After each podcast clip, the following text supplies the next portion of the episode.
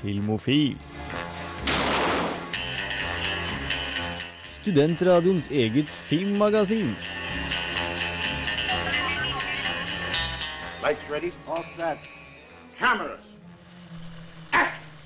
Der gikk startskuddet, som betyr at vi i Filmofil har gjort oss klar for en ny sending.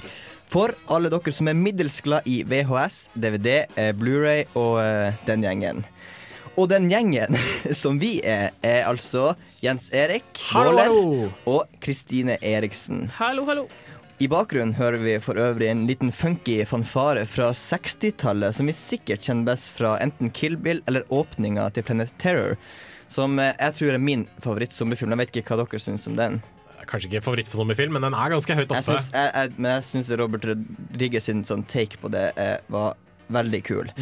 På tapeten i dag står anmeldelse av ukas kinofilmer, som bl.a. inkluderer en svensk thriller og en soon to be historisk filmserie. Jeg snakker da selvfølgelig om Twilight. Så i tillegg blir det nyheter, videonytt, ukas filmlåt, ukas serie og mye mer. Eh, selv om det er så sent på sesongen, er det fortsatt godt med fårikål. Og derfor skal du få akkurat det. Her får du Lindstrøm med fårikål.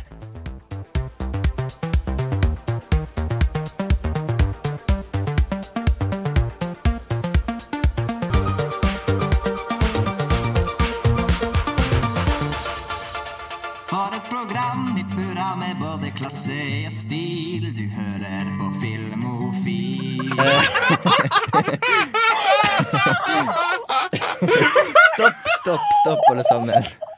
Det her er det som skjer når jeg kommer tidlig på radiobygget. Da får jeg litt ekstra tid til å lage jingle, som kanskje ikke slo an så godt. Nei Det men der var eh, fantastisk. ja. Det der var fantastisk. OK. Det, det, ja. Vi skal eh, ha filmnyheter. Filmofil gir deg nyhender fra filmen og fjernsynets i spanende vær. Sånn. Hva vi har på eh, Hva slags nyheter har vi å by på? Jo, jeg kan jo starte med å meddele at eh, det skal lages en film om MacGyver. Eller MacGyver skal rebootes, da. Veldig kult. Ja, veldig det- kult. De aller fleste av oss som har vokst opp på 90-tallet, husker jo sikkert å ha sett eh, veldig mye MacGyver da vi kom hjem fra skolen. Sånn eh, mens vi vokste opp, og det går jo egentlig i full repeat alltid på TV2 og TV2 Sebra. Eh, så regissør James Wan skal nemlig ha regi på denne nye MacGyver-filmen. Og det store spørsmålet er jo da hvem skal spille MacGyver? Eller Angus MacGyver, som han også heter. Uh, veldig mange vil at uh, Richard Dean Anderson skal komme tilbake til rollen som ga han litt sånn kultstatus. Han er 62 år, så han er kanskje litt for gammel. Men Harrison Ford var jo også rundt 60 da han spilte Indiana Jones uh, for et par år siden. Så det kan jo faktisk fungere, hvis de spiller litt på at han er gammel. Uh, eventuelt så kan det jo hende at eh, denne gadget-baserte Indiana Jones Nei, Indiana Jones, sier jeg. Denne gadget-baserte MacGyver, som også er en pasifist, merkelig nok, eh, går til en litt uh, ung up and coming-fyr. Men akkurat hvem, det spekuleres det ikke i helt ennå. Jeg syns bare det er rart at de ikke lagde en film om MacGyver tidligere. Ja, det er det egentlig. For det er liksom Det har vært så stort, og det er så lenge siden det er ferdig, så. Men, nå, eh, er jo, nå er jo tiden for å, eh, for å bringe liksom, disse 80-tallsklassikerne tilbake igjen. Det er det. Så da tror jeg det er, det er kanskje litt påpasselig da, holdt jeg på å si, at MacGyver-film eh, kommer. Yes, spenstig blir det nå. Jeg har en eh, liten nyhet om en dokumentar. eh, en Formula, Formula 1-dokumentar som heter One. Den skal nå bli eh, narrated. Jeg vet ikke hva som sier Den skal vel ha en Ja, fortellerstemme. han Sånn som Morgan. Freeman er veldig Ja. kjent for. Det er Morgan Det er eh, ikke Morgan Freeman, det er Michael Fassbender som skal Mm. narrate One, som er en ja, dokumentar om Formula 1 som skal liksom ja, Det står på sida 'Brings glamour, speed and danger and excitement of the Formula 1 to the big screen'. det høres Så- jo litt ut som noe for litt spesielt interesserte. For jeg vet ikke hvor mange jeg kjenner som følger med på Formel 1 og vil se en dokumentar om det. ja, men jeg Kjører de ikke bare sånn 100 ganger i liksom, samme bane? NASCAR. Ja, Men vi gjør ikke Formel 1 noe Jo, lignende? jo, men det er svinger, og det er kjappere, og det er kulere, for faen! Ja, ok, godt mulig. Jeg hørte at Formel 1 ble litt kjedelig etter at alt ble så sikkert. For litt før var det folk som krasja og biler tok fyr og sånt. Ja, du må liksom tilbake til Ja. eh, gode, gode gamle At det var, da det var liksom trøkk. Kanskje de viser litt for det, da. Ja, altså, jeg tror dokumentar altså, Selv om du ikke er fan Ja. av Formel 1, så vil du synes at det er spennende med en dokumentar. Det fins flere som er veldig gode. Jeg har lyst til at de skal plassere to kameraer på, liksom, på hver sin side av bilen til Michael Schumacher og bare si 'go nuts!' Og så bare tar de opp alt det og så bare slenger de det inn i, i den filmen sånn, på tilfeldige steder. Det tror jeg blir kjempegøy. Ja, men det trekker vel sikkert litt, uh litt folk som vil se det når Michael Fassbender skal være prat i bakgrunnen. Så Ja, mange fangirls i hvert fall. Ja. Han har ikke dårlig stemme i det hele tatt. nei, det blir gøy, det, da. Jensi, har du en del? Ja da, det har jeg, vet du. Eh, Vi kan jo vandre litt inn i eh, verdenen som består av eh, filmer basert på dataspill. Fordi eh, spillutvikleren Ubisoft eh, går nå i gang med å produsere eh, egne filmversjoner av sin mest populære dataspill. Michael Fassbender skal produsere og spille hovedrollen i en kommende Assassin's Creed-film. Som jeg tror kan bli veldig spennende. Og nå kom det nylig fram at Tom Hardy skal innta rollen som superagenten Sam Fisher i en filmatisering av dataspillet Splinter Cell. Som igjen er basert på eh, Tom Clancy sine militærpornobøker. Ikke porno-porno, men Ok, så det er faktisk bøker, da. Jeg tror det i hvert fall. Eh, Eventuelt så er det basert på veldig mye av jo, der Splinter selv, det første spillet, tror jeg er delvis basert på en av hans bøker. da. Eh, spillene deretter har egentlig bare bestått i at Tom Clancy sier greit, dere stempler navnet mitt på dette her, og så får jeg litt penger av dere. Um, man vet ennå ikke noe om noen manusforfatter eller noen kommende regissør, men uh, Tom Hardy har jo en av de som, er jo en av de som har blitt uh, veldig stor i det siste og fått veldig mye mainstream-suksess. Så det blir veldig spennende hvordan han klarer å spille. Han er jo en ganske svær uh, sånn, Ja, han var for svær i Batman, så det var kanskje måtte, han måtte sikkert bølke seg opp da, til å spille Ja. Bane. Man kan ikke ha tingle til det. Sam Fisher kan jo, eller han har jo vært tidligere noen ganger i hvert fall, en ganske sånn svær, sånn bulky dude som går rundt og banker opp folk og slenger dem inn i vegger og toaletter og hva verre er. Så jeg tror eh, Sam Fisher kan bli en eh, bra rolle for han hvis han lærer seg å, å liksom uh, gurgle småstein så han får en sånn her stemme som høres sånn her ut. Det kan bli bra. Ja, sikkert en gledelig nyhet for alle gamerne der ute. Vi skal ha litt mer enn nyheter, men først skal vi høre Deerhoof med 'Sexy But Sparkly'.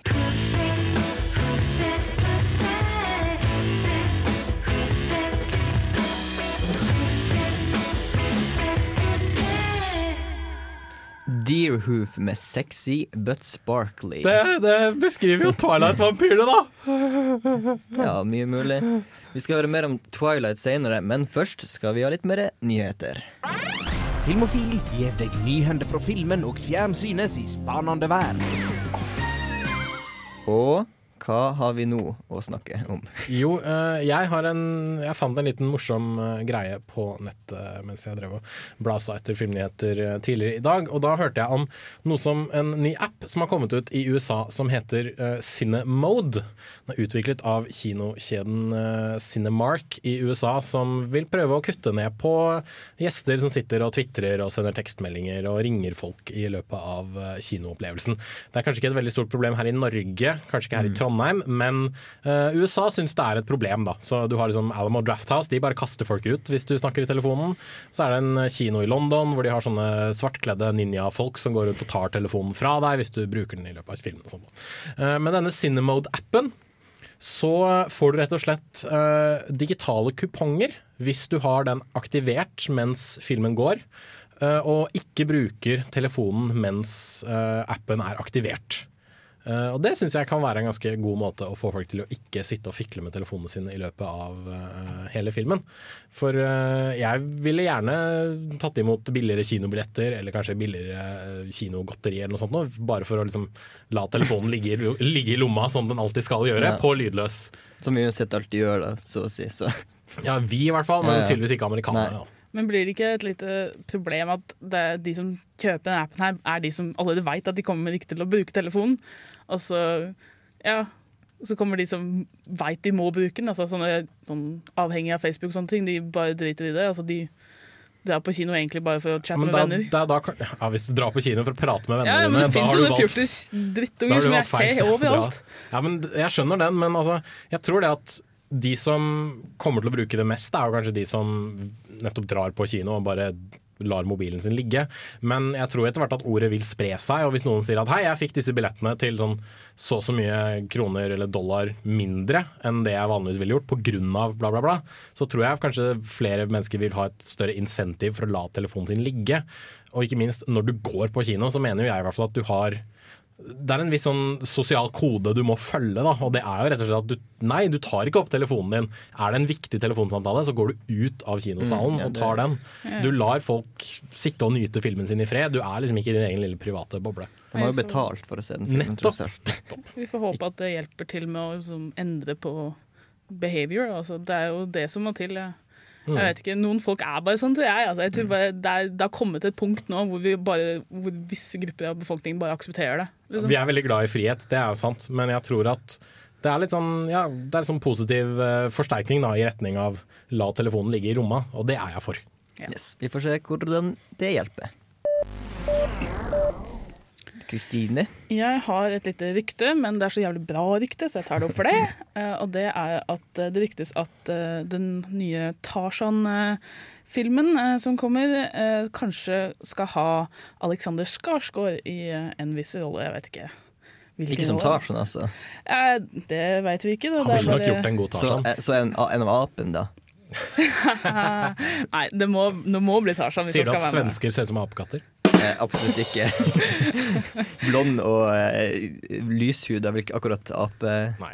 Jeg tror han hadde vært uh, jævlig sexy som Tarzan, for å si det rett ut. Jeg tror kanskje det hadde trukket veldig mange kvinnelige kinogjengere å se. Alexander Skarsgård løpe rundt i en halvannen times film med, i- altså, i bar overkropp og kun en sånn her lendeklede. Ja, det tror jeg. Det tror jeg absolutt. Jeg kan, eh, jeg kan vitne for det. Ok, Vi får se om det ryktet blir sannhet. Jeg har enda flere rykter, faktisk. Eh, nå Gossip som, Radio. Ja, selvfølgelig. Gossip Radio. Nå som Disney har kjøpt opp Lucasfilm og sagt at det kommer en Star Wars episode 7 eh, innen, altså i løpet av 2015, så er det veldig mye eh, spekulasjoner rundt akkurat hvem som skal ha regi på den nye Star Wars-filmen. Eh, det kom jo fram nå nylig at eh, Michael Arndt, som skrev Toy Story 3, eh, skal få lov til å skrive manuset til filmen. Og nå ryktes det at Brenda Chapman, som var delvis Hun var sånn korregissør på Brave, og den originale liksom, konseptpersonen bak denne Pixar-filmen.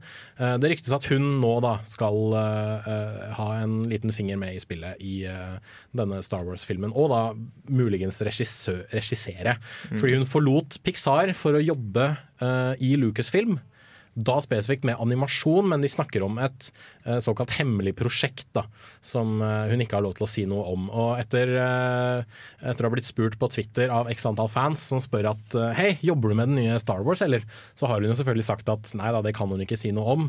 Men eh, eh, mange mener at det i seg selv er en bekreftelse, da, selvfølgelig. Men det kan man jo selvfølgelig ikke vite.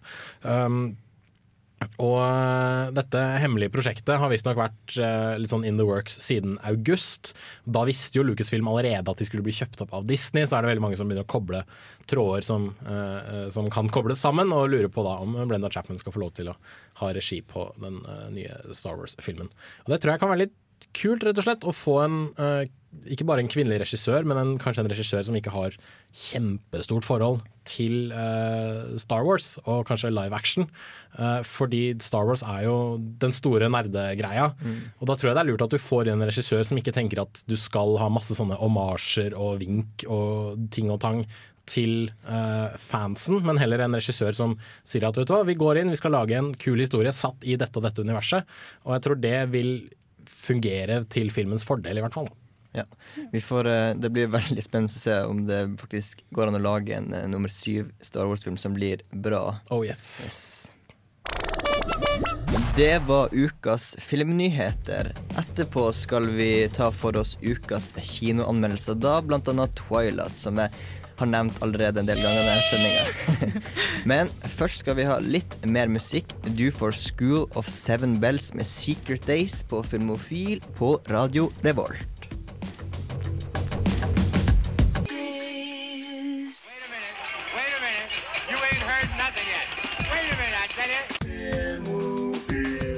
You. Listen.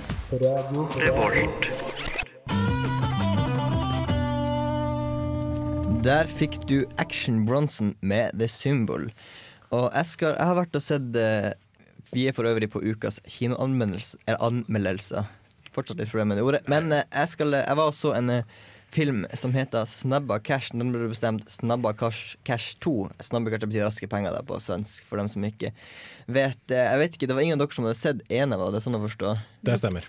Jeg kan eh, innledningsvis si at eh, det er ganske Du burde dra og se eneren, se eneren før du tar og ser toeren, fordi at eh, de bygger veldig mye på hverandre. Det er mange av de samme karakterene. Hvis du ikke har sett to, så vil jeg tro at, nei, ene, så vil jeg tro at du bruker en lang tid på å liksom skjønne hvem som er hvem, og karakterene og sånt. Hvilke forhold de tar til hverandre.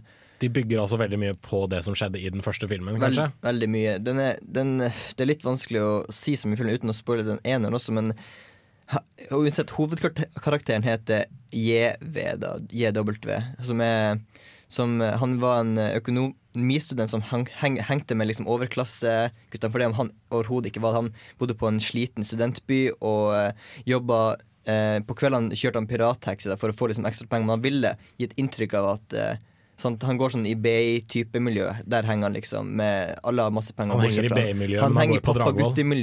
Men han går på Dragvoll. Nei, han går ikke på Dragvoll, han går på sånn økonomiskole. Så man, Ah, ok. Derfor må han jobbe hele tiden når han ikke studerer. Ja, ok. Men så eh, får, ja, Men uansett, han, får, han blir dratt inn i Det her er eneren jeg på nå. Han blir dratt inn i kriminelle miljø, og det ender med at han blir sendt i fengsel. da eh, Som overhodet ikke for han, han vil egentlig bare godt, men alt går til helvete med. Og i toeren så kommer han ut av fengselet på en perm fordi at han skal eh, få en investor til et prosjekt han holder på med fra fengselet da, med en kompis, en av de der kompisene, eh, de overklasseguttekompisene. Men selvfølgelig så blir han svindla, og han overklassekompisen har vært på det møtet allerede, og han har fått investoren, og har ikke nevnt han, så han er fucked. Så da må han inn i det kriminelle miljøet igjen, for der har han kontakter fra fengselet. Selvfølgelig. Og sånn at Han ville egentlig bare gått. Det var et seriøst prosjekt som var virkelig bra, og da kunne han tjene penger, men så Ja. Og det er liksom Det, det, det er liksom eh, greia med filmen at det går til helvete med de fleste, egentlig. Alle ja, karakterene fra den forrige filmen som er med, har det ikke særlig bra. Men det virker som det er veldig mye av det som skjer i den første filmen, som også skjer i nummer to. Ja, det, det er jo på en måte det, du, Men du har de samme karakter, karakterene, og liksom forholdene fra den første filmen til den andre filmen blitt helt annerledes. Så det er veldig det man følger med på, og ja, det er pff, det, Som sagt, det er veldig mørkt og hardt, men for ikke spilt så mye, så det er ikke så altfor mange som overlever. Eh, men eh, det er liksom pengene råder, og dem som det, liksom, det handler bare om penger, folk tenker bare på seg sjøl. Men liksom, det er mange karakterer, men man føler, man føler virkelig med dem, for alle vil egentlig godt, men de er så fucked pga. alt det kriminelle de har rotet seg opp i, at, eh, at det er rett og slett bare, bare dritt som skjer med alle Skit og sammen. elendighet. Ja. Er det, liksom, er det humor, eller er det bare drama? Det er ingen humor. Okay. Overhodet ikke. Ikke mørk humor høres veldig morsom ut. Ja, det er det jeg tenker. Det høres ut som sånn sn- svensk sånn litt uh, artig komedie, men det her er Snabba cash. Ja, det høres ut, akkurat sånn høres det ut som, men det er overhodet ikke det. Her er det bare Det viser hvordan det Det er liksom uh, søramerikanerne og østeuropeere som styrer det kriminelle miljøet, da, med narkotika, hore og alt det der. At det, hvor hardt det er, og hvor brutalt det er, liksom. Så det er bare det. Eh, man, det er vel kanskje ikke en film man drar for å kose seg på en lørdagskveld, det vil jeg overhodet ikke si, men eh, jeg syns den var bra fordi at jeg så eh, eneren, da. Så jeg tror som sagt det har veldig mye å si. Men eh, det er en steinhard film, rett og slett, om eh, et dystert miljø i Sverige. Så det er litt vanskelig å rulle terning fordi at eh, Fordi bare- filmen beror så mye på om Ja, du har sett den første Men eller det, ikke. det, jeg vil si at det ligger mellom tre og fire, da, så det er absolutt verdt å se begge de filmene. For det er veldig bra. Alt det teknisk film, filmen er veldig bra. Det er veldig kult måten de liksom viser De viser liksom hva som skjer De, de klipper fram og tilbake, da, på en måte. Imens, hvis en person står og snakker med andre, så kan de kanskje klippe hva som skjer etterpå, før det skjer. Sånn der, det, er litt, eh, det er litt kult, da. Og eh, den har en veldig åpen slutt, men det er fordi at det kommer en Snabbakars 3 i, i, eh, i neste år. Så jeg tror jeg må se den, for det var veldig åpen slutt, og eh, den slutten var ganske dyster. Men han eh, det var, Jeg kan si en liten ting, at den, det var nesten som Trainspotting-slutten. Mm. Sånn at man får et lite hint til det. Uansett, jeg ville gitt den sånn ca. tre-fire terningkast. Sterk tre, kanskje? Ja, noe det. Uansett, etterpå skal vi snakke litt om Twilight, men først skal vi høre Tai Sigal med Fem fatale.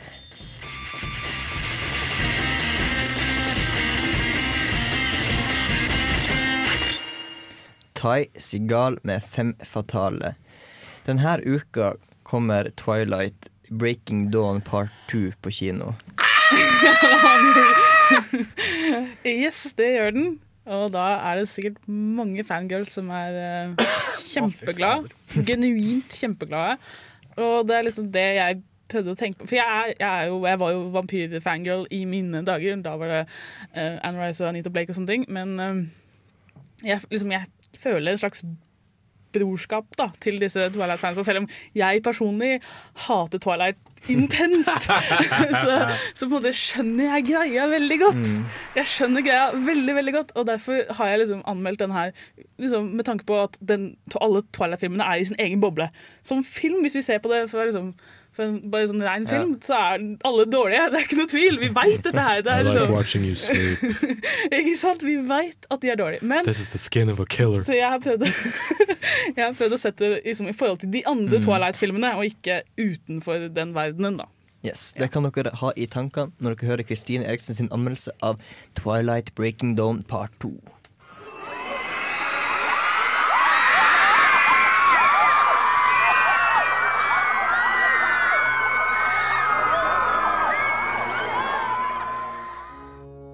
Det var en gang et skikkelig skummelt monster. Det sugde blodet ut av deg om natten, og hvis du var skikkelig uheldig, kunne du bli forvandlet til en selv. Men det som gjør det ekstra fascinerende, er at man innerst inne har litt lyst, for hvem har ikke hatt lyst på udødelighet? Så kom Twilight.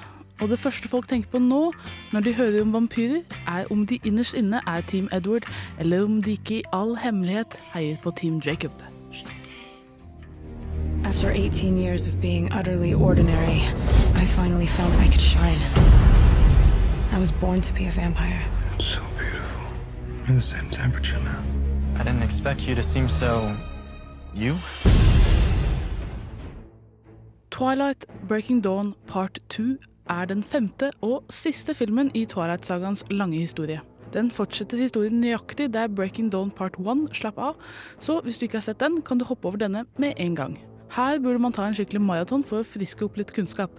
Bella er nå endelig blitt vampyr, nesten samtidig som hun fødte sin datter Renesmee, som er derfor bare halvt vampyr.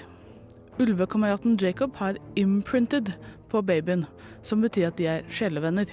Når vampyrklanen Voltari, en slags vampyrhøyesterett, oppdager Renesmee, tror de at hun er et udødelig barn, noe som er ulovlig, og de vil derfor drepe henne. I have to report a crime. The Collins, they've done something terrible. It's my daughter. The Volturi think Renesmee is an immortal child. She was born, not bitten. She grows every single day. Oh my. Maintaining our secret has never been more imperative.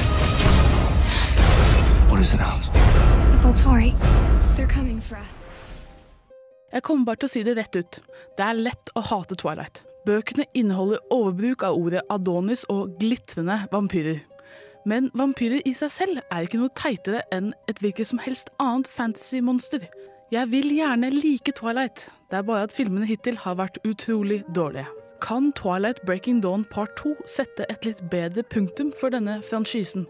Det skjer i hvert fall noe i denne filmen, selv om det tar litt for lang tid. Først må vi ha lange møter med far, som ikke får lov å vite at hun er vampyr, og så må hun teste sin styrke. Her er effektene faktisk ikke så dårlige.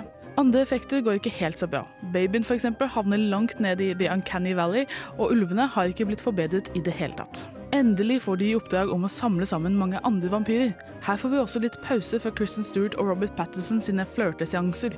Stewart ser like forstoppet ut som alltid, men det er egentlig utrolig underholdende å se hvor desperat Pattinson er for å bli ferdig med hele greia. De nye vampyrene er noenlunde interessante. Jeg fikk nesten litt sånn X-Men på jakt etter nye rekruttfølelse, fordi mange av vampyrene har spesielle evner. For første gang i den femte filmen i rekka har Twilight greid det gentleman-vampyrsjangeren må gjøre. Få deg til å få lyst til å være vampyr. If enough people knew the truth, maybe we could convince the Volturi to listen. Our search began looking for vampires in the most remote corners of the world. My family's in danger. I need your help. We'll join you. We will stand with you. A lot of red eyes around here. Dette gjøres hovedsakelig gjennom de badassene som er Volturi. Michael Sheen virker som han egentlig skulle stått ved siden av Christopher Lee. Han er en klassisk Dracula-skikkelse med litt craziness på toppen. Dakota Fanning, som jo er en flink skuespiller, får ikke noe særlig mer å gjøre enn å glise ondskapsfullt til folk mens kameraet prøver å zoome inn i øynene hennes. For er det én ting Twilight elsker, så er det creepy close-ups. Det har forbedret seg siden starten, men det kuleste med disse vampyrene er jo øynene, så de må vel bruke det for alt det er verdt. Heldigvis slipper vi å se Patson glitre. My time as a human was over. But I never felt more alive. Thought we would be safe forever. But forever isn't as long as I'd hoped.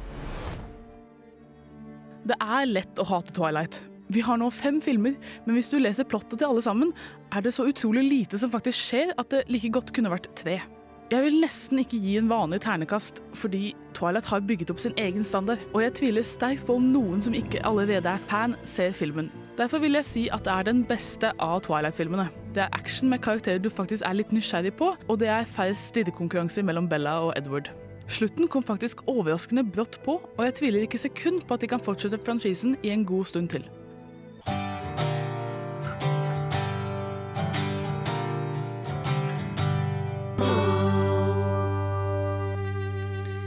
Der hørte du Sugarfoot Willy. Og før det hørte du eh, Kristine Eriksen sin anmeldelse av eh, Twilight. Og Jens Erik spør hva det ordentlige terningkastet er, for du gir det ut til de, dem som satt i den bobla, sa Ja.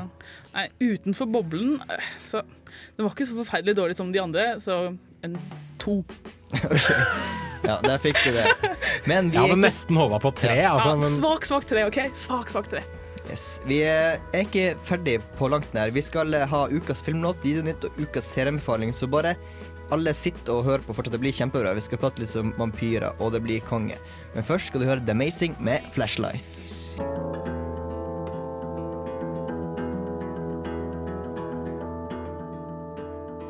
Played once then. Det er jo alltid å ha musikk når den er påtent. Helst noe indisk eller pakistansk. Ukas filmlåt. Stemmer på en såkalt prikk at vi er på vår faste spalte Ukas filmlåt. Og denne uka er det Kristine som har tatt med seg en liten tune fra den store filmverden. Yes. Jeg har uh, tatt med en uh, liten låt fra uh, filmen Lawless. ganske ny film. Ja, ganske nylig. Jeg, jeg jeg var, jeg var jeg som anmeldte den, var det ikke det? Jeg tror det var du som Eh, anmeldte den, ja. ja. Tidligere i semesteret. Og ja, jeg syns den var en ganske bra film. Altså, den hadde sånn Hvis du er western-fan og gangsterfilmfan, så er det liksom perfekt for deg. For den har liksom elementer av begge sjangrene. Er det litt sånn med låta også? Ja, kanskje. Den er, nei, den er veldig sånn country, litt sånn upbeat, men ja. Sånn, jeg, jeg er ikke noe god på musikk, da, så det er veldig vanskelig. Men den er veldig sånn eh, Ja, den får den stemningen av sånn herre nå, er vi- nå er vi på landet, men fremdeles så driver vi med, med bootlegging og sånne ting, da. Så ja, veldig sånn Det er en låt som kanskje oppsummerer filmen i en relativt OK grad. Jeg kanskje ikke oppsummere hele filmen, men deler av filmen. Ja, For den sånn er jo ikke- tone og stemning og sånt, nå tenkte jeg kanskje på. Ja, ikke, den er jo litt, kanskje litt mer upbeat enn filmen er, da. Så, men den eh, det, Generelt er filmmusikken veldig sånn Den på en måte prøver å ja, bryte altså, Vi ser kanskje noe veldig sånn vakker natur, eller noe, så plutselig kommer det sånn her litt sånn upbeat sang. da Så den, innimellom så får du sånne kontraster da, mellom musikken og, og det du ser, som jeg syns er veldig gøy i film noen ganger. Og denne her er veldig sånn ja, altså De som spiller i sangen, heter jo The Bootleggers, så Mm. den, den, passer jo. ikke sant? Ja. Så ja. Det, sangen heter da uh, Fire and Brimstone. Og for øvrig så, så, Du sa jo at Nick Drake var med her. Ja. Fordi at han eh, Nei, Nick Drake, Nick Cave, Cave. Cave. Og han Cave, eh, lagde jo musikk til uh, Destination of Jesse James, Buddy Coward, Robert Ja. Ford også, og med den. Ja. Som en annen westernfilm. Ja, det er Så- veldig typ, Mm. likt stemning. Så, men uansett, her får du The Bootleggers med Fire and Brimstone fra filmen Lawless.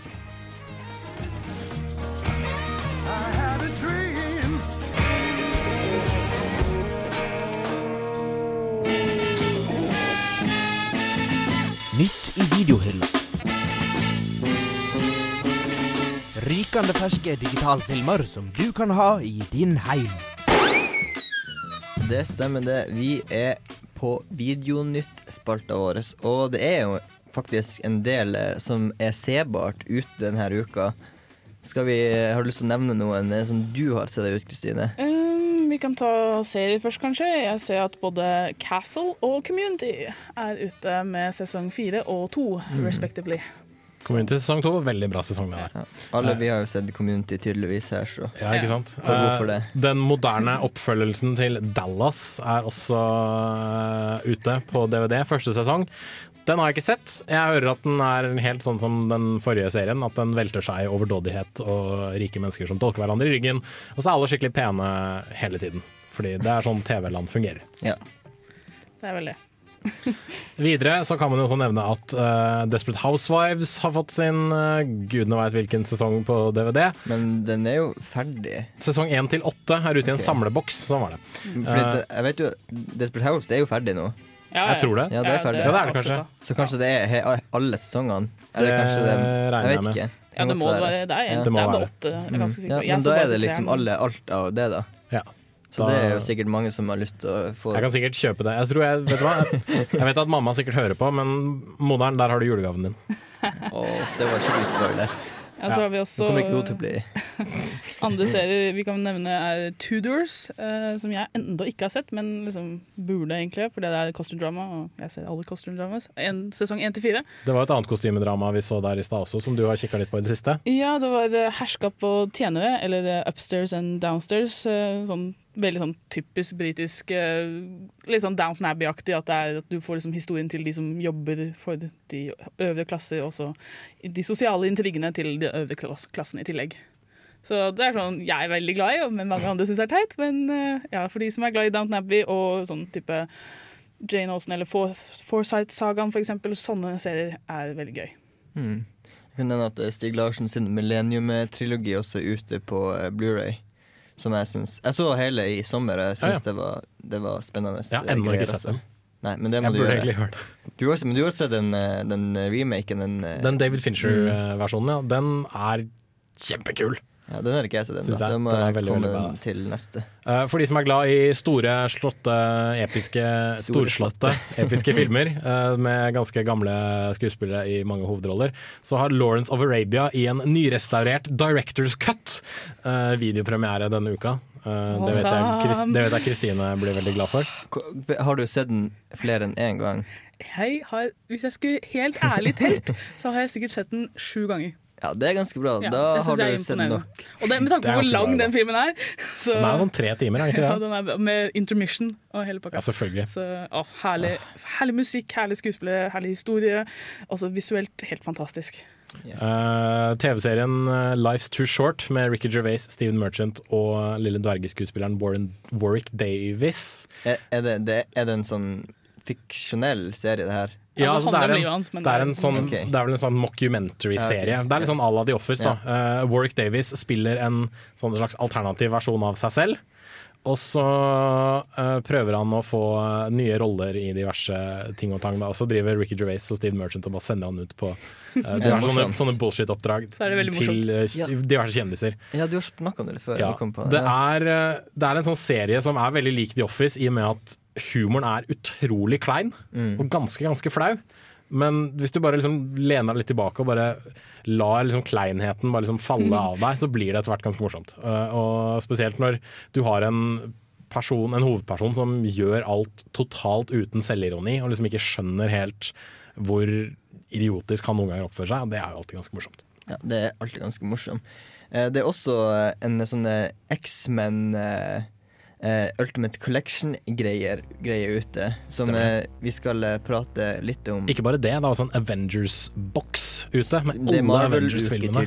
eh, Ah, så eh, awesome, vi skal prate litt om det etterpå. Men først skal vi høre hiphopen Kendrick Lamar med The Art of Peer Pressure.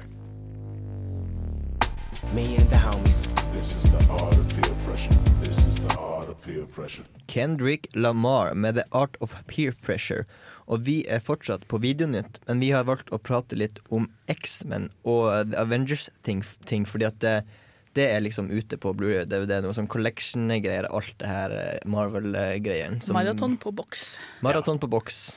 Mar Marvel er veldig flinke på disse eh, DVD, Blu-ray-pakkene sine. I hvert fall hvis det er ting som, som bør ses i en viss rekkefølge, så er de veldig gode på å bare si at ja, her har du alt sammen. Eh, du må betale litt mer for det, men fuck it, du får liksom seks jævlig bra filmer i eh, Seks eller fem bra filmer i i én. Sikkert masse timer ekstra materiell som eh, alle megafansen kan kose seg med. Oh yes. Eh, ja, Det aller første er jo denne X-Men-boksen, som uh, ja, Man kan jo strengt tatt si at den kun inneholder tre av fem uh, gode filmer. Fordi X-Men 1 og X-Men 2 det er veldig bra. Mm. X-Men 3 den er ikke fullt så bra. Jeg syns den er helt grei. Eh, X-Men 4, eller X-Men Origins Wolverine, er søppel. Og X-Men First Class er vel den beste av alle, syns jeg. Ja, da er vi helt enige. Ja. Jeg, jeg, jeg, jeg vet ikke. Jeg synes det, det som var dårligst med Origins, var jo at uh, han, det var så sykt dårlig skurk, syns jeg. De Eller så var han ødela ikke så skurken dårlig. helt. Ja. De misbrukte hele Så konseptet. det var liksom det teiteste med det. Ellers var han Ja, han som var teit Ja, men dere tenker, for jeg tenker ikke i den der han, Ja, det, det er feil det her. Det, sånn var det ikke. For jeg har ikke lest tegneserier, så jeg bare ser filmen for den, den filmen som kommer, vet du. Ja, men jeg tror bare ut fra et sånn rent sånn hva skal jeg si, kanskje filmat Ikke nødvendigvis et fanboy-ståsted, men rent fra bare sånn tilskuerståsted, så er det veldig mye der som er ja, veldig teit. da eksempel at uh, du har en figur som egentlig bør ligge i, litt i skjul og leve under et uh, pseudonym og kanskje ikke tiltrekke så mye oppmerksomhet til seg selv. Han sitter og lever som gambler i New Orleans og flipper kort sånn fem meter opp i lufta over hodet sitt og driver og kaster kortene som eksploderer, og så har han en sånn helikopterstav eller hva faen er han har, som gjør at han kan fly ned i sånn jævla smug og begynne å banke opp folk. Og, Greit nok at det er et tegneserieunivers, men det er så teit. og ikke minst den der digitale, fæle Patrick Stewart-roboten som dukker opp på slutten av filmen. Åh, det ser så jævlig ut. Gud a meg, det ser så jævlig ut. Ja, Men eh, ellers så var jo voksen grei, da. Ja. Eh, X-Men 1 og 2 og litt 3 og First Class, Ja. de er eh, ikke minst de, de aller beste, tror jeg. Og Yes. um, ja, det er vel kanskje det man kan si om det. Det anbefales å kjøpe, i hvert fall. Fordi det er, Mm. det er en kul eh, boks hvis du har noen. Eh, nå er det jo juletider snart, så hvis du har noen Mm, det er i familien, smart. så er det jo bare Ja. å kjøpe. Perfekt gave til dem. Mm. Men eh, også den Avengers eh, Collection som er ute nå. Fordi at eh, sagaen ble jo fullendt på en måte. Det kommer jo en oppfølger til Avengers, men eh, sånn cirka. Så derfor gir de ut en boks. Og den er vel også eh, ganske grei. Vi diskuterte at hulken kanskje ikke er så veldig bra i den boksen, men eh, Ja, det, må jo, det må jo være der, på en måte. Så det må jo være det, det er- selvfølgelig. Men eneste grunn når man ser, nevn- ja, ja. ser den, er jo for å liksom se hinta til det som kommer. Men det var jo også filmen som på en måte var unnskyldningen for den første Hulken-filmen Ja. som kom i 2003. Takk og lov at, at den gjorde Ja, det, da, og, egentlig. og før de liksom fikk spikra dette store filmuniverset, da. Eh, men eh, ja, du får alle filmene som har noe med eh, Avengers å gjøre. Så Mm. du får Iron Man, du får Hulken, Iron Man 2, eh, Thor, Captain America og til slutt da Avengers. Selvfølgelig. Og eh, Det det vil jeg si er en eksepsjonelt god pakke. Ja, det- det er absolutt eh, filmer som er meget underholdende. Og det har ikke vært feil med et Avengers-maraton. Det hadde jeg gjerne slengt meg med på. Mm. Og disse filmene er jo distribuert av uh, SF Norge, så det hadde jo vært helt fantastisk om vi, jeg og Kristine hadde fått sett dem på Trondheim på dette Scandinavian Film Championship som skjer til eh, helgen. Mm. Men det tror jeg ikke kommer til å skje fordi de kommer ut nå, liksom. Så det blir kanskje litt vanskelig. Men det, ja, dere får bare håpe på det beste, da. Vi krysser fingra, i hvert fall. Hadde, de kan jo vise Iron Man, for eksempel. Det er lenge siden den kom ut. Det er sant. Men har de ikke lov til å vise For vi snakker jo om det filmmaratonet som dere skal Ja. delta i i morgen. det. Eh, er det sånn at de har ikke lov til å Jeg tror ikke det se er noe nye filmer? Jeg tror ikke det er noen sånn cutoff-dato i forhold til, Nei. eh, Nei, nei, forhold til eh, årstall og sånt. ut, Men så lenge det er utgitt av eh, svensk filmindustri i Mm. Norge, så, må det, så, så, så, så får det bli med, liksom. da Yes. Men uh, Avengers-filmene, hvis du ikke har dem, eller hvis du har dem på DVD og har lyst til å oppgradere til Blu-ray, så hvorfor ikke bare kjøpe en sånn fin, fin eh, samleboks med sikkert mye ekstra mye materiale også. Hvorfor ikke? Jeg hadde blitt relativt glad for det, fordi om jeg ikke har Blu-ray-spillere. Hvis det er samme liksom, Blu-rayen som Avengers allerede har blitt gitt ut, altså at det er samme ekstra materiale, så er det veldig gøy. For det er en sånn liten short som heter sånn Agent 47 eller noe, som er veldig morsom. Så hvis du ikke har den på Blu-ray ennå, så faen kjøp den. Altså, det er gøy. Gode råd fra Kristine der, altså. Vi skal eh, prate litt om vampyrer etterpå, men først skal vi høre Hanne Kolstø og Elevato.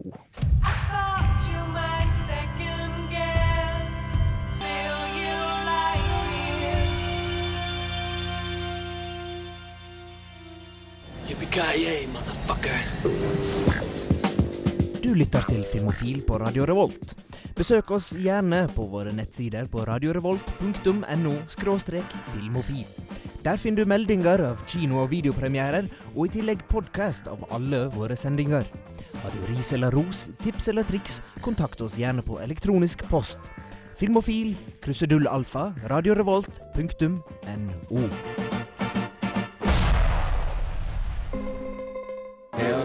stop right now. See me again, grow right now. Big Sean med Gaup. Eller Guap. Eller jeg vet ikke hvordan de sier det. Guap!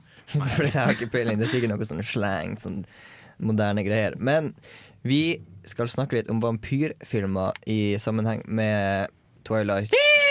Nei da, nå skal jeg gi meg. Men eh, Det det er var Likevel jeg tror på det, at du faktisk egentlig innerst inne er team er Jacob. Jeg tror det er team Jacob, ja. Hva er det hva er det, det heter? At uh, linjen mellom uh, kjærlighet og hat Ja, er en hårfin nettopp, en? Nettopp. Nei, jeg- Du er team Eller jeg- kanskje du er litt team Edward i deg? Vet du hva, Det er litt gøy å se Robert Pattinson se ut som han ikke har driti på sånn tre dager er så i hver eneste Twilight-film. gjennom hele filmen Han sitter hver der gang og han var på sånn Det ser ut som han prøver sånn øh, Nei. Øh, Nei. Jeg syns så forferdelig synd på han. jeg. Hvis du ser Nei. sånne intervjuer med fangirl som løper opp han, han blir jo antastet hele tida, liksom. Jeg syns så synd på han. Jeg syns synd på alle sammen. Jeg, Sant nok. Jeg, er jeg er team uh, hun derre uh, Anna Kendrick. Ja. Skuespilleren, for hun er veldig, veldig søt og koselig. vi skal ikke prate om Twilight. Team Buffy, hæ? Team Blade! ja, Team Blade og Buffy. De Nå- to sammen tar knekken. nå begynner vi å komme oss på, inn på noe her. OK. Eh, har eh, dere noen eh, vampyrfilmer som dere syns er eksepsjonelt eh, bra? Oh. Nei. Jo da. Jeg har en som heter så mye som uh, okay. det er, det, er, det er litt en spoiler at det er en vampyrfilm, men nå har den jo vært ute i tre år eller noe sånt nå, så det har ikke så veldig mye å si. Den svenske filmen som heter 'La den rette komme inn', som er basert på en roman av uh, Jon Eivide Lindqvist. Eh, boka leste jeg nå nylig, faktisk, etter å ha sett filmen sånn fire-fem ganger. Jeg syns filmen er bedre enn boka, faktisk. Det er det. Det er ikke ofte. Det er ikke ofte, men filmen trimmer en del sånn, hva skal jeg si, overflødig fett da, som, som boka har. Og er, den er veldig sånn Ja, det er en veldig sånn fokusert eh, handling, da. Men uansett. eh, det handler om en eh, guttunge som heter Oskar, som blir mobbet på skolen, og som har litt sånn destruktive tanker og går rundt med kniv i lomma, fordi han, og så stikker han trær fordi han later som det er bøllene sine. Høres jo ikke ut som en vampyrfilm. Nei, nettopp. Men så flytter det noen inn i leiligheten vegg i vegg med Oskar og hans mor sin leilighet. Og da begynner det etter hvert å skje ting, fordi eh, plutselig så er det masse unge gutter eh, som blir drept i dette området rundt. da. Og så eh, er det en eh, liten jente som bor vegg i vegg med Oskar, som kan gå ut midt på natten i bare pysj og ikke fryse. Og hun lukter litt rart, og hun ser litt sånn udusjet ut, og litt sånn, litt sånn små sånn creepy child. Den høres veldig creepy ut, den filmen, så langt. Den er det, men den er også utrolig vakker. Og det er veldig sjelden at jeg sier det om en vampyrfilm, men den er filmet på en veldig sånn eh, litt sånn kald og kjølig og veldig distansert måte. For det, alt dette foregår på vinteren, når det er nesten bekmørkt hele tiden i dette området i Sverige. Og det er jo nesten, man skulle nesten tro det er perfekt for en vampyr å, å løpe rundt. Og eh, det er, det er veldig mye snø overalt. Veldig mange nydelige bilder av sånn snø som faller ned på trær og på bakken og sånt. Og så har du disse to eh, Den liksom ja, Kall det en kjærlighetshistorie da, mellom disse to barna som på en måte finner hverandre på tvers av at de begge er outsidere. Han ene er outsider på skolen og blir jo mobba av folk, og hun andre er jo outsider fra menneskeheten fordi hun er en vampyr. Ja. Og det, det syns jeg gjør filmen veldig godt. Da. Det gjør jo filmen til også en langt mer realistisk type vampyrfilm, men bare at det blir bortforklart at å ja, de er vampyrer, ferdig med det. De går sånn litt lenger til å forklare hvorfor f.eks. en vampyr ville trenge en, en, slags, eh, en slags caretaker. En, ikke en hjelpepleier akkurat, men en hjelper som kan gå ut og skaffe blod for Mm. en, og, og, og, og hva det vil si når en vampyr forsøker å gå inn i et hus som ikke er deres eget uten en invitasjon og sånne ting. Og eh, det er det som gjør filmen såpass god, da, syns jeg. da. Eh, og ikke minst at de behandler det med et sånn realistisk grep, og den ser veldig bra ut, og det er et veldig godt skuespill, selv om disse ungene er veldig små. Og det er en det er, så godt å se en vampyrfilm som fokuserer på noe bare totalt annerledes enn det faktum at de er vampyrer, og så er det kanskje en vampyrjeger som er ute etter å ta dem, eh, eller sånne ting. Det, liksom, det, det syns jeg er veldig, veldig stilig. Så den anbefales. Eh, jeg kan jo nevne fordi vi snakker om en eh, film som kanskje ikke med første øyekast virker som en vampyrfilm. For når jeg så From Dusty Dawn, fikk jeg meg et sjokk, for jeg hadde ingen aning. Og når den, når den snur midt i der, så bare tenker jeg bare wow, nå, nå. Men eh, det var en eh, Jeg tror faktisk det er sånn cirka på akkurat Ja, halvveispunktet sånn. i filmen. Det kan, tenker, Så det kan, det kan, da kan det egentlig komme inn et helt nytt element, tenker man. At filmen snur tvers, men det gjør altså den. Og det, er, det er litt sånn som i Psycho. Når Norman Bates Ok, spoiler for Psycho. Når Norman Bates dreper uh, uh, i. Hun i dusjen. Ja, men alle vet jo at eh, Ja, ja, men, en dør i dusjen ja, før de ser den. Ikke sant? Men ingen da visste at det kom til å skje. For da, liksom, da, da er jo den hovedpersonen død, og så må de introdusere en ny hovedperson. Og det er jo ganske uvant Mm. Ja, for filmer generelt. Og jeg tror From Dusk Till Dawn gjør veldig mye av det samme. Da. På en litt annen måte. På en veldig annen måte. ja, men fortsatt det er en veldig kul rolle av Quentin Tarantino også i den, syns jeg. Ikke så veldig bra oppfølgere. Nei, men eh, sånn er det ofte, da. Ja. Ja. Og for de av oss som liker noe pent å se på, så er hun der Salma Hayek eh, Du måtte gå dit, jeg venta på det. Jeg satt og tenkte hvem av dere kommer til å nevne Salma Hayek først? Det måtte jo bli meg, da. Ja. ja. Har du lyst til å nevne en? Um, Jeg kan kanskje gå tilbake til eh, litt sånn for, Fordi vi snakker om Twilight, da, snakke om eh, Interview with a Vampire, som jeg var ufattelig glad i uh, når jeg var på den alderen som Twilight-fansa er nå. Forhåpentligvis. Det er jo noen Twilight-moms. Er det den med Brad Pitt og Ja, Tom Cruise. Okay, og ja. grunnen til at jeg Og Antonio Banderas. Og Antonio Mm. Banderas og Christian Slater. Det er sant, det. Han er med. Ja, ja. Han er faktisk ganske kul i den filmen. Han, Før han ble dårlig skuespiller. Ja. så, men grunnen til at jeg er så glad i den filmen, er fordi en, det er Tom Cruise sin mest bizarre rolle, egentlig. Han så Han ser ikke ut som seg selv i det hele tatt. Han oppfører seg han er Lestat på en ja, Kanskje ikke helt sånn som bøkene skal ha det til, men han, han er det beste med den filmen. Og i tillegg så Jeg kommer jo med et litt annet sånn baggage når jeg ser den filmen, fordi jeg har lest absolutt alle bøkene. Og jeg ser den filmen som en svær sånn Altså, som ikk- en ikke sann historie. For jeg veit at Louis bare lyver ut av tenna sine hele faktisk tida. Og Brad Pitt spiller sånn Han ville jo egentlig ikke være med i filmen, så han er, du ser at han er skikkelig dritlei av alt. Og det passer så jævlig bra, fordi jeg veit at, at karakteren hans Louis er sånn i virkeligheten. Han er en whiny little bitch som du er bare så slå til hele tida gjennom boka hans. For du, altså, når du da kommer til de andre bøkene, som på en måte Lestat skriver som svar til denne boka, så, så får du liksom Ah ja, det er derfor han er sånn whiny little bitch. Når jeg ser den filmen, så bare tenker jeg ah, du skal bare vente, Louis, så skal du få den i tygga. Altså, jeg gleder meg så sykt. Ja, jeg er veldig glad Også musikken i den filmen. Åh, jeg er så glad i musikken i den filmen. Første sånn soundtracket jeg kjøpte til jeg, når jeg var det er der jeg begynte. Det var jo kanskje også den filmen som gjorde vampyrer litt sexy igjen. Ja, jeg tror det. Altså, du har jo Dracula, den originale Bram Stoker, begynte med den gentleman-vampyren. Før det så var de på en måte slags zombie-skikkelser. At de krøp inn i og krøp ut av grava si og, og beit deg. Men jeg tror det var Anne Rice som starta hele greia, at de kunne på en måte være blant oss i dag, på en måte. Som en sånn ja, slags James Bond-aktig skikkelse som bare kom, kommer inn. Ja, Jeg på Jeg liker sammenligningen mellom James Bond og Ja, men det at han er sånn suav sånn i dress og bare vandrer inn i, i, i Og med en gang så har alle liksom øynene på sant? ham. Det er Ja, den, den, den, den, type. Ikke det at han er secret men en vampyr en var hadde vært vampyrhemmelig agent. Det hadde, jeg, det hadde jeg betalt for å se. Altså. Det hadde vært jævlig kult. Men, Virkelig. ja, det, det, og det er liksom litt Når jeg ser Interview with Vampire, så ser jeg tilbake til starten, og det er veldig gøy. Og det er, den er ikke så dårlig som alle vil ha det til. Jeg vet at mange hater den filmen, men filmatisk så er den helt OK, altså. Ok, Jeg har sett den, og jeg er litt usikker. Jeg ble selvfølgelig tvunget til å se den, for jeg hadde aldri sett den filmen. For jeg ser på coveret, så ser jeg Brad Pitt Tom? Cruise med langt, slett hår. Jeg Du blir helt jeg sånn, kaster what? opp, det brekker Ja. meg, liksom. Så, ja, Men, men eh, ja. ja. Vi skal prate litt mer om uh, vampyrfilm etterpå, men vi skal uh, Det er jo ikke så fint å være vampyr. Men uh, guttene i hvit pels syns at livet er underbart.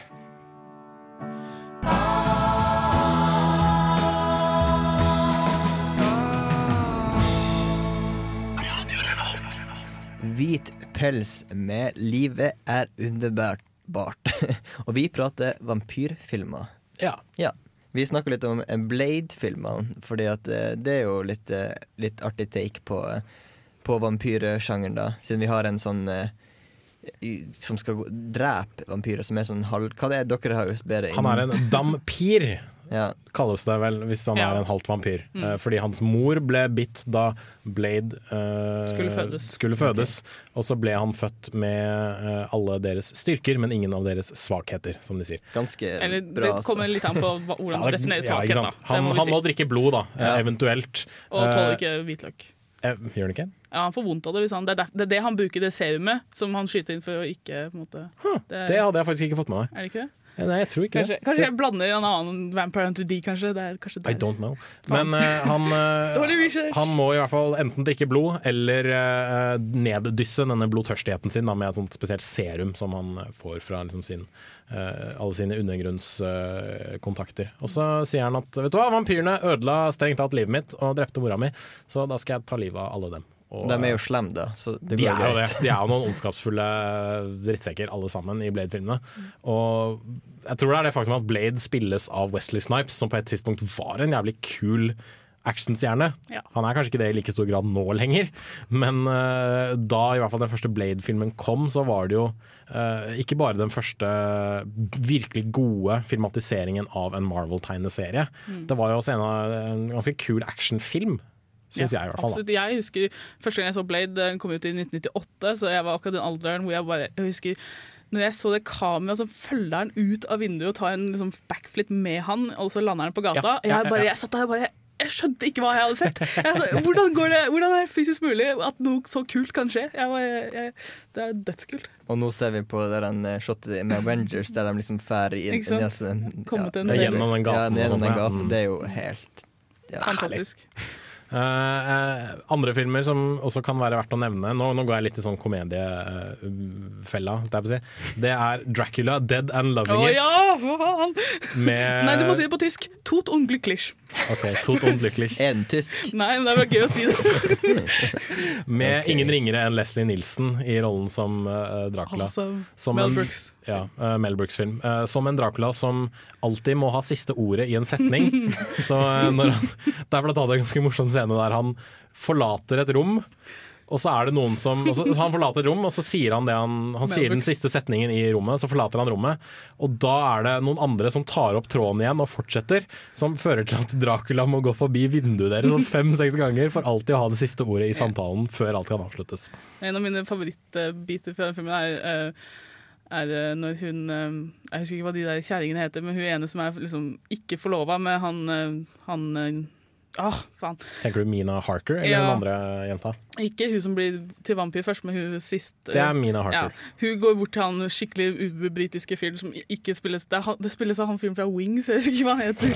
Men hun bare går bort og tar liksom puppa skikkelig opp, og så bare skal du, 'Nå må vi ha', oss', og han bare oh, 'But mean I'm British', og så bare tar jeg puppa sånn ah, 'But so are these'. Og så blir jeg liksom blir det sånn, Åh, så herlig. Hvordan kan, ja.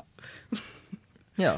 Herlig, typisk Mel Brooks-humor. Ja, øh, og jeg tror det er, det er litt morsomt å se vampyrfilmer som tar liksom hele vampyrformelen og bare sier Vet du hva, det her det kan vi ha det morsomt med. Mm. Og Mel Brooks var veldig flink til å lage sånne filmer også. Um, han er jo blitt veldig gammel og litt pensjonert nå. Så. Ja, det beste med filmen er kanskje Renfield. eh, han, eh, ja, han skal prøve å late som han ikke har spist den edderkoppen. Du ser at han liksom driver ja, beveger seg inn i munnen hans, og han bare Nei, jeg har ikke, jeg har ikke spist, det har vi ikke sett. Det, nei, det har vi ikke sett. Jeg vet ikke, Har vi noe mer vampyrfilmer som vi har lyst til å nevne for allmennheten? Vi burde vel, kanskje, burde vel nevne Francis Ford Coppolas Bram Stokers Dracula. Ja, den kan vi jo ja. Med Gary Oldman som Dracula og, uh, Og Anthony. Hopkins som Van Helsing. Den øh, beste britiske aksenten på TV noensinne av Keanu Reeves. Ja, ja, ja, selvfølgelig. Ja, den, ja. Keanu, Keanu Steinansikt Reeves som eh, Jonathan Harker og en eksepsjonelt dårlig britisk aksent. Ja, den, den, den skulle jeg se Skulle en, den, altså. en sen natt, men jeg sovna. Faktisk, til Dracula. Og så våkna jeg med et smell av noe som skjedde. Noen kom opp av en kiste, eller noe sånt, så slo jeg av filmen, så gikk jeg og la meg. Smart. Eh, Vi kan nevne serien Underworld, for det er en ganske populær serie. Og den er faktisk ikke så dårlig. Den, Jo, det er den. Nei, den første, den, første jo, og den den. siste er ikke så dårlig. Jo, det er de. Nei, nei. Gud, så dårlige de er. Hvorfor det? De Nei! Det er litt Altså, OK. Det de har gjort i Underworld-filmene, er å si at hei, disse Matrix-filmene var jo skikkelig kule. Kan ikke vi lage en sånn Matrix-aktig film, men bare ikke Matrix? Vet du hva, vi gjør dem til vampyrer. Ja, det var en god idé, dere. Ja, men Nei, det var det er ikke. awesome. Ja, vet du hva, Da ser jeg heller Van Helsing. Hun er awesome i den. Ja, det er sant. Ja, ok, Og det er en hakket bedre film, selv om den ikke strengt på det er så veldig god, den heller. Ja, jeg syns begge to er av samme type. Sånn, nå presser vi ut filmer, men uh, noen ganger så vil du bare ha det. liksom Det er sant, men jeg, nei, jeg har ingenting til overs for Underworld-filmene. ja, ja. Jeg har blitt tvunget til å se alle sammen flere ganger, så jeg har kanskje blitt vant til dem. Du har blitt hypnotisert. Ja. Vi kan eh, eh, helt til slutt uh, Jeg er veldig glad i en, i en uh, film som heter Vampires eh, fra 1998. eh, bas- eh, Det er John Carpenter, ja. Yes. Med James Woods, eh, som jeg syns er jævlig kul. Så, den er sånn klassisk vampyr som alle liksom, litt sånn zombieaktig, at de er liksom bare monstre. da Ikke noe sånn Og John fancy. Carpenter er en kul uh, regissør, selv om han ikke alltid lager uh, bra film. Sånn er det jo med mange regissører. Yes. Vi kan la det bli spiken i kista for den vampyrfilmdiskusjonen vi har hatt Oh. nå. Men det betyr ikke at dere skal slutte å høre på, fordi vi skal nemlig ta for oss ukas serieanbefaling, som blir, sikkert blir en liten perle, hvis jeg ikke tar helt feil. Det kan jeg love. Men først skal vi het, ikke hete, høre The Child of Love med Heal. Hei, jeg er eh, Agnes Kittelsen, Og jeg er Aksel Henning, og det er viktig at eh, dere hører på Filmofil. filmofil.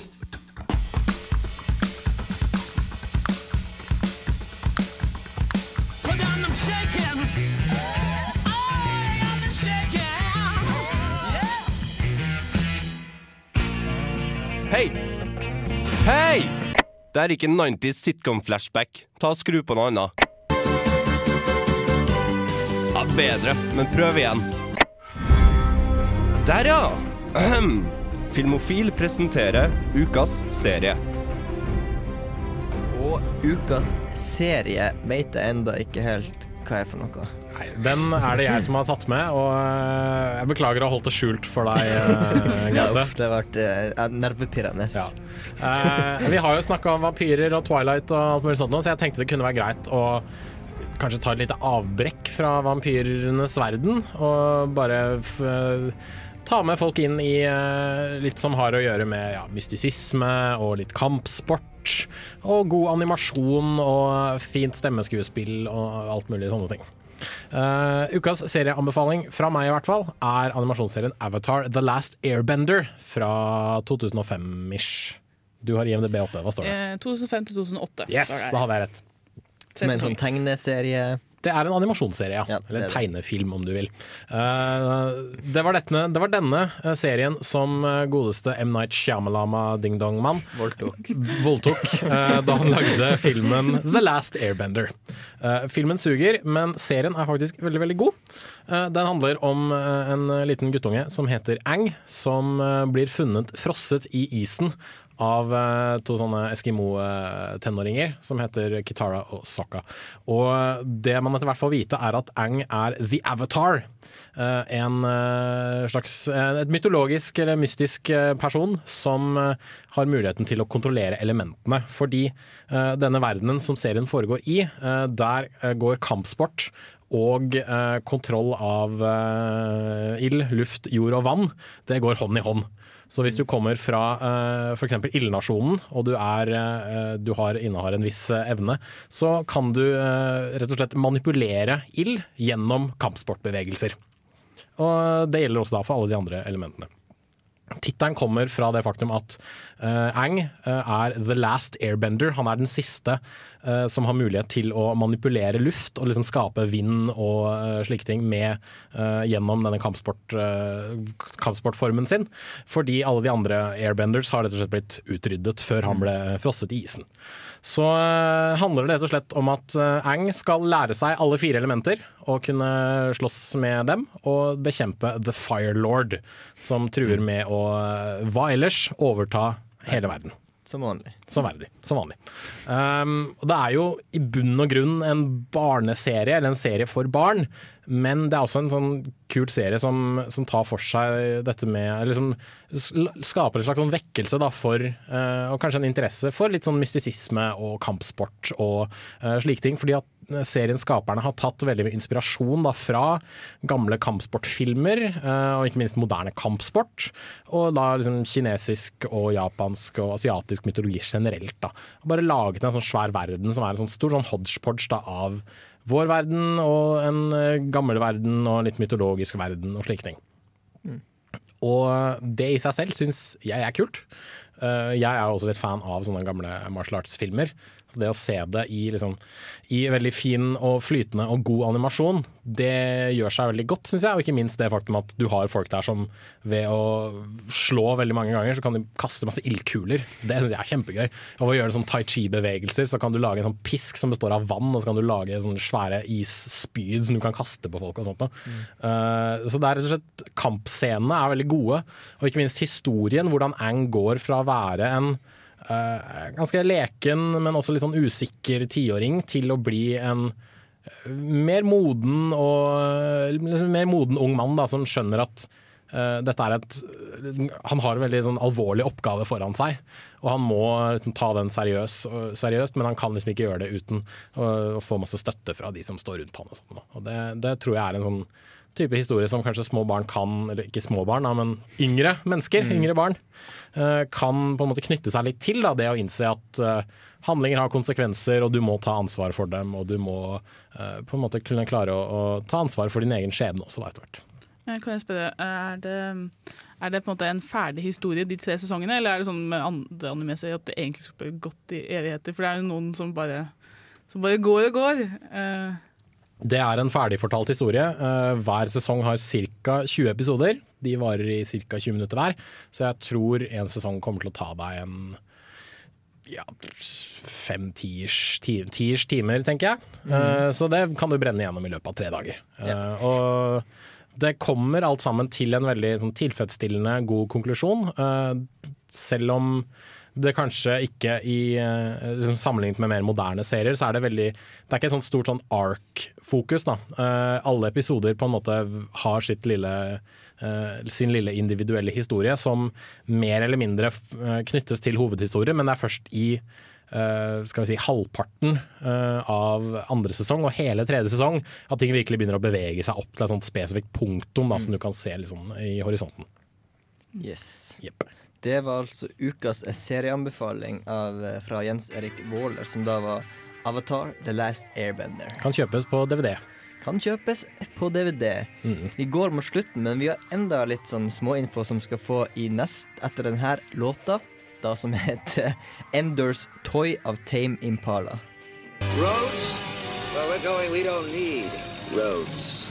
Du hører på Filmofil på Radio Revolt.